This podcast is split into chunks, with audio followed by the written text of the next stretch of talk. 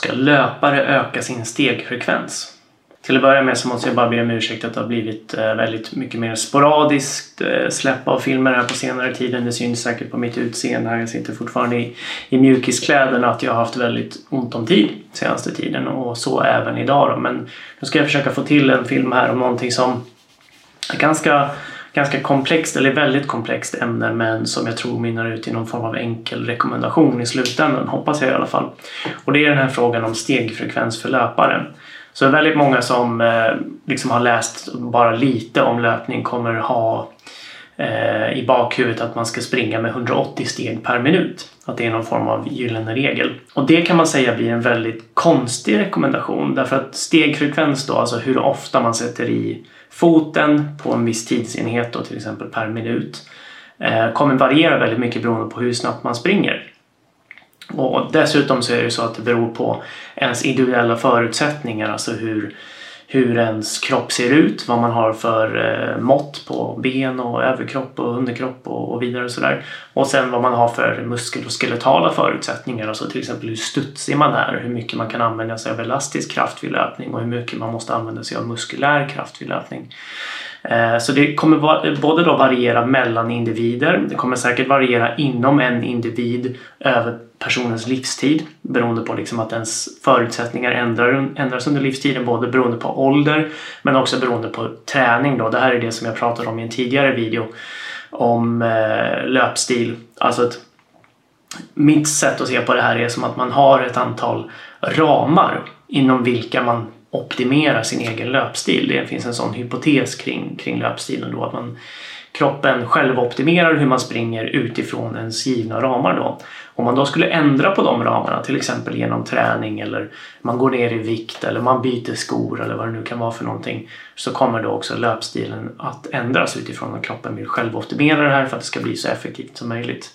Det är liksom, finns inget superhårda data på olika löpare att det här skulle vara på det sättet. Det finns en del på, på nybörjare där man ser att de själva optimerar på ett visst sätt. Eh, och det finns en hel del data som tyder på att om man stör en löpares löpstil så kan det bli sämre. Man kan få sämre resultat av det. Men det här är bara en, en hypotes och det är något som jag tycker är rimligt men något som skulle behöva beforskas mer för att det ska vara eh, man ska kunna säga någonting starkt om det. Men så är det med det mesta inom det här fältet och eh, så även då när det gäller löpfrekvens. Då eller stegfrekvens. Som jag sa då så varierar det här ganska mycket beroende på hastighet. Så att det, tanken är då att man ska, man ska springa med 180 steg per minut i varje hastighet blir lite konstigt därför att kroppen vill på sätt och vis inte göra det utan ju snabbare man springer desto högre steghastighet behöver man i princip. Det förhållandet är rätt eh, hyfsat linjärt och ganska påtagligt.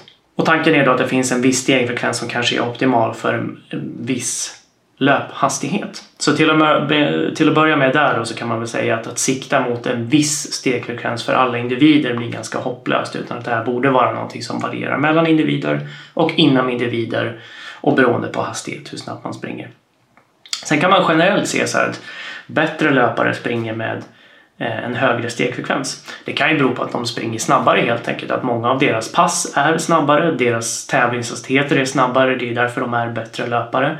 Eh, så återigen så skulle det förhållandet mellan löphastighet och eh, stegfrekvens stämma där då. Sen kan man också säga att det är också personer som har förutsättningar för att vara väldigt snabba löpare, det vill säga de är väldigt studsiga, de har möjlighet att använda elastisk energi på ett bra sätt och de är väldigt ekonomiska. Så det är möjligen så att det finns ett, en stegfrekvens som är bättre om man är en sån person som kan använda det. Är du däremot en sämre löpare så är det inte säkert att du blir bättre av att gå mot den stegfrekvensen. Och jag pratar om det här apropå en eh, stor eh, systematisk översikt och metaanalys som kom ut nyligen där man har tittat på om man förändrar personers stegfrekvens, hur påverkar det då prestation, risk för skador och biomekaniska variabler som till exempel steglängd eller ledvinklar eller eh, krafter som musklerna behöver utveckla och sådana här saker. Så till att börja med så kan man säga att på området då med, med prestation så är det ganska mycket kortsiktiga studier där man liksom låter folk, man tittar på hur folk vill springa, vilken stegfrekvens de vill använda och sen manipulerar man den. Man säger liksom spring 5-10% snabbare eller med högre stegfrekvens eller 5-10% lägre stegfrekvens. Och så ser man till exempel vad som händer med syreupptaget då. Det finns några studier när man tittar på lite längre sikt vad som händer. Överlag så kan man väl säga att det, det finns studier som visar på att det blir sämre, alltså att man upplever löpningen jobbar, jobbigare om man ökar sin stegfrekvens. Det finns också studier som inte direkt visar på någon skillnad där och resultatet är att försöka hitta någon form av signal är ganska svår. Om någonting så pekar det emot att försöka sänka sin stegfrekvens är direkt dåligt. Vilket då innebär kanske då att försöka höja sin stegfrekvens skulle kunna vara gynnsamt. Jag återkommer till det här senare då. När det gäller skaderisk så är det egentligen så att det, det finns så få studier och de är så av så dålig kvalitet att det går inte att säga någonting där. Utan där blir det egentligen att man behöver titta på området med biomekanik för att kunna säga någonting. Och där kan man egentligen se att ökar man sin stegfrekvens och här pratar vi då alltså om att du har löpare som har en viss föredragen stegfrekvens på en viss hastighet och så ber du dem att öka den med kanske 5 eller 10 procent. Alltså du utgår inte från att alla ska uppnå en viss stegfrekvens utan du utgår från personens föredragna frekvens och så ökar du den med en viss procent. Då kan man se att ökar du då stegfrekvensen så ser man att generellt så minskar de biomekaniska variablerna. Steglängden minskar, ledvinklarna minskar, krafterna kring lederna minskar, man förskjuter lite var krafterna läggs någonstans och lite sådana bitar. Så där kan man egentligen tänka att har du då ett område där du har som är liksom extra utsatt om du har en lägre stegfrekvens, till exempel knät. Om du har problem med knät så skulle man kunna tänka sig att du kan öka stegfrekvensen lite för att minska belastningen på knät. Sen är det fortfarande så att belastningen kommer ju behövas för att du ska ta dig framåt men du kan minska den lite kring knät. Och det är också så att när du ökar stegfrekvensen så minskar ju då steglängden, ett konsekvent fynd. Och då minskar ju också kraften per steg. Så skulle man säga då att du upplever att du, har, du får ont i någon led om det är höft eller knä eller fotled eller sådär med varje steg och så ökar du på stegfrekvensen och därmed eh, minskar på steglängden och därmed kraften per steg och så känner du av mindre av dina besvär så kan ju det bero på att ja, den kraften som krävs vid varje steg inte provocerar dina besvär. Och då, då kanske det är ett sätt som du kan eh, använda dig av för att ändå kunna springa de distanserna eller volymerna som du vill. Då. Sen måste man ju komma ihåg då att med ökad stegfrekvens och minskad kraft per steg så blir ju ändå den totala kraften antingen lika stor eller kanske till och med större. Därför att eh, även om kraften per steg minskar så ökar ju antalet steg. Så det är någonting man behöver tänka på. Möjligen så kan det vara så att det, det är belastat på ett annat sätt och därför att man kanske behöver vänja sig vid det här. Man kanske inte bara går över till det från en dag till en annan utan man gradvis introducerar det här. Återkommer till det senare också. Så generellt kan man säga, ska man titta på det här och liksom göra någon form av kvalificerad killgissning så kan man väl säga att du bör inte försöka minska på din stegfrekvens. Det är liksom, det kan man säga är det finns inga kända fördelar med det egentligen. Men frågan är då, bör man försöka öka sin stegfrekvens? Är du bäst i världen så är det troligen kanske inte så, har du inte så mycket nytta av det. Liksom. Då har du redan ett kvitto på att du gör någonting rätt.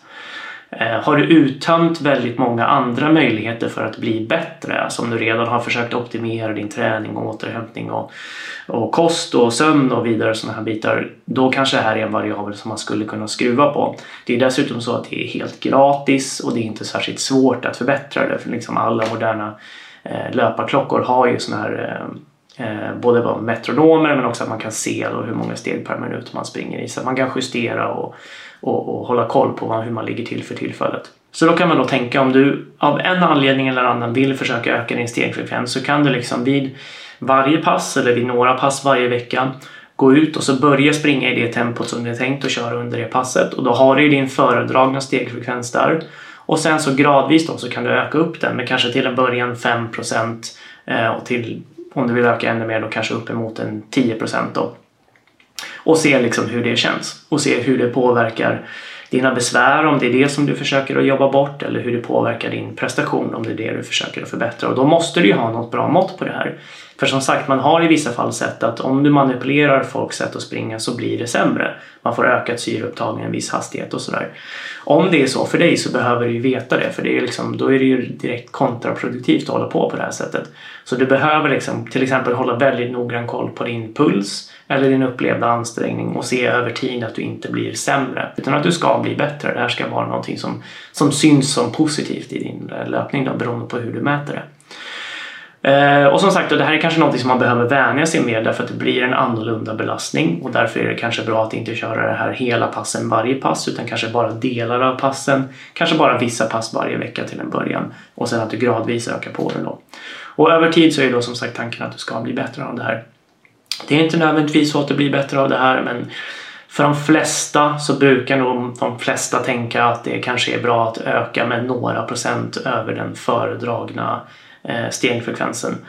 Eh, över tid så kanske man når dit ändå och om du ändrar på dina ramar då som sagt genom kanske styrketräning eller snabbhetsträning eller sådär så kanske du kommer dit utan att behöva tänka på det bara genom att din föredragna kadens ökar. Eh, men det kan vara någonting att testa. Eh, inte någonting som jag tror är liksom det första man bör ändra på men någonting som skulle kunna vara positivt. Så det kan vara värt att testa. Det var allt för idag. Vi ses när vi ses.